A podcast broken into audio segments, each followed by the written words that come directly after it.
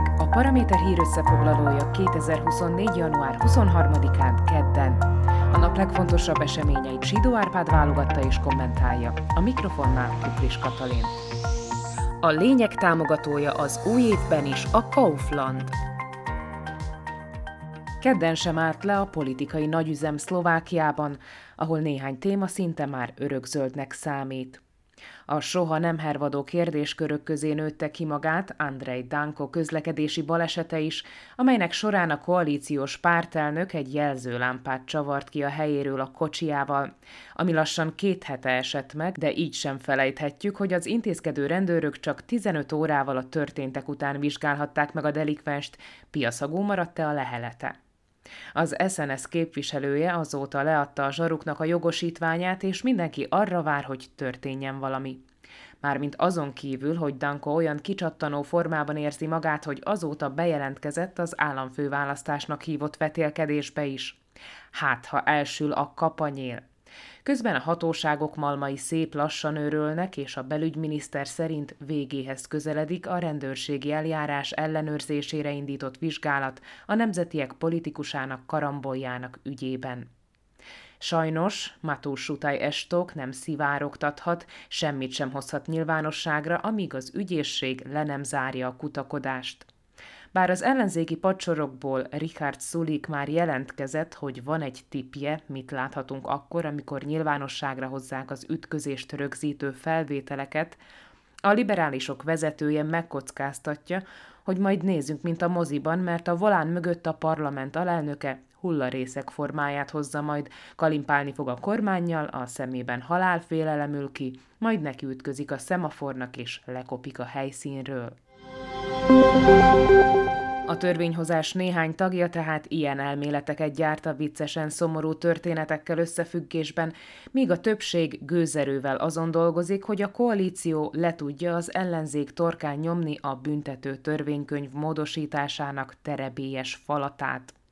Ez az a kezdeményezés, aminek keretében Robert Ficoig beszántanák a korrupciós esetekkel hadakozó speciális ügyészséget, és abszurd mértékben csökkentenék egyes büntettek büntetési tételeit is. Tehát a BTK változtatásáról szóló vitához tért vissza kedden a parlament, és továbbra is a kormányjavaslat gyorsított eljárásban való megvitatása van terítéken.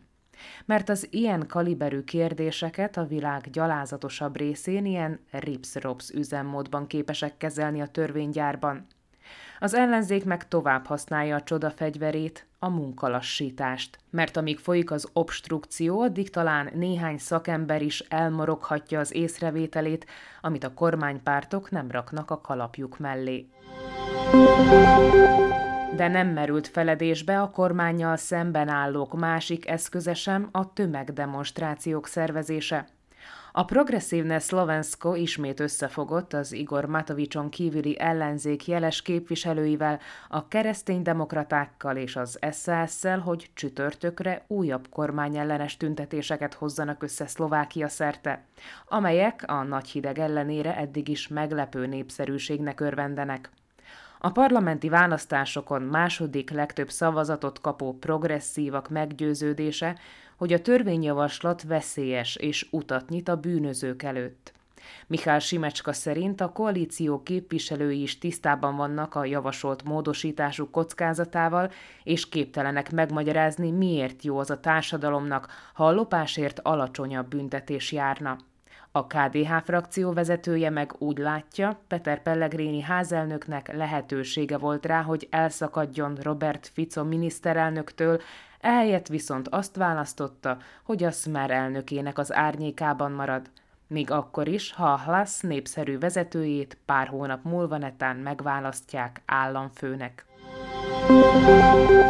Nála jóval kevésbé menő közéleti szereplő az SNS színeit viselő kulturális miniszter.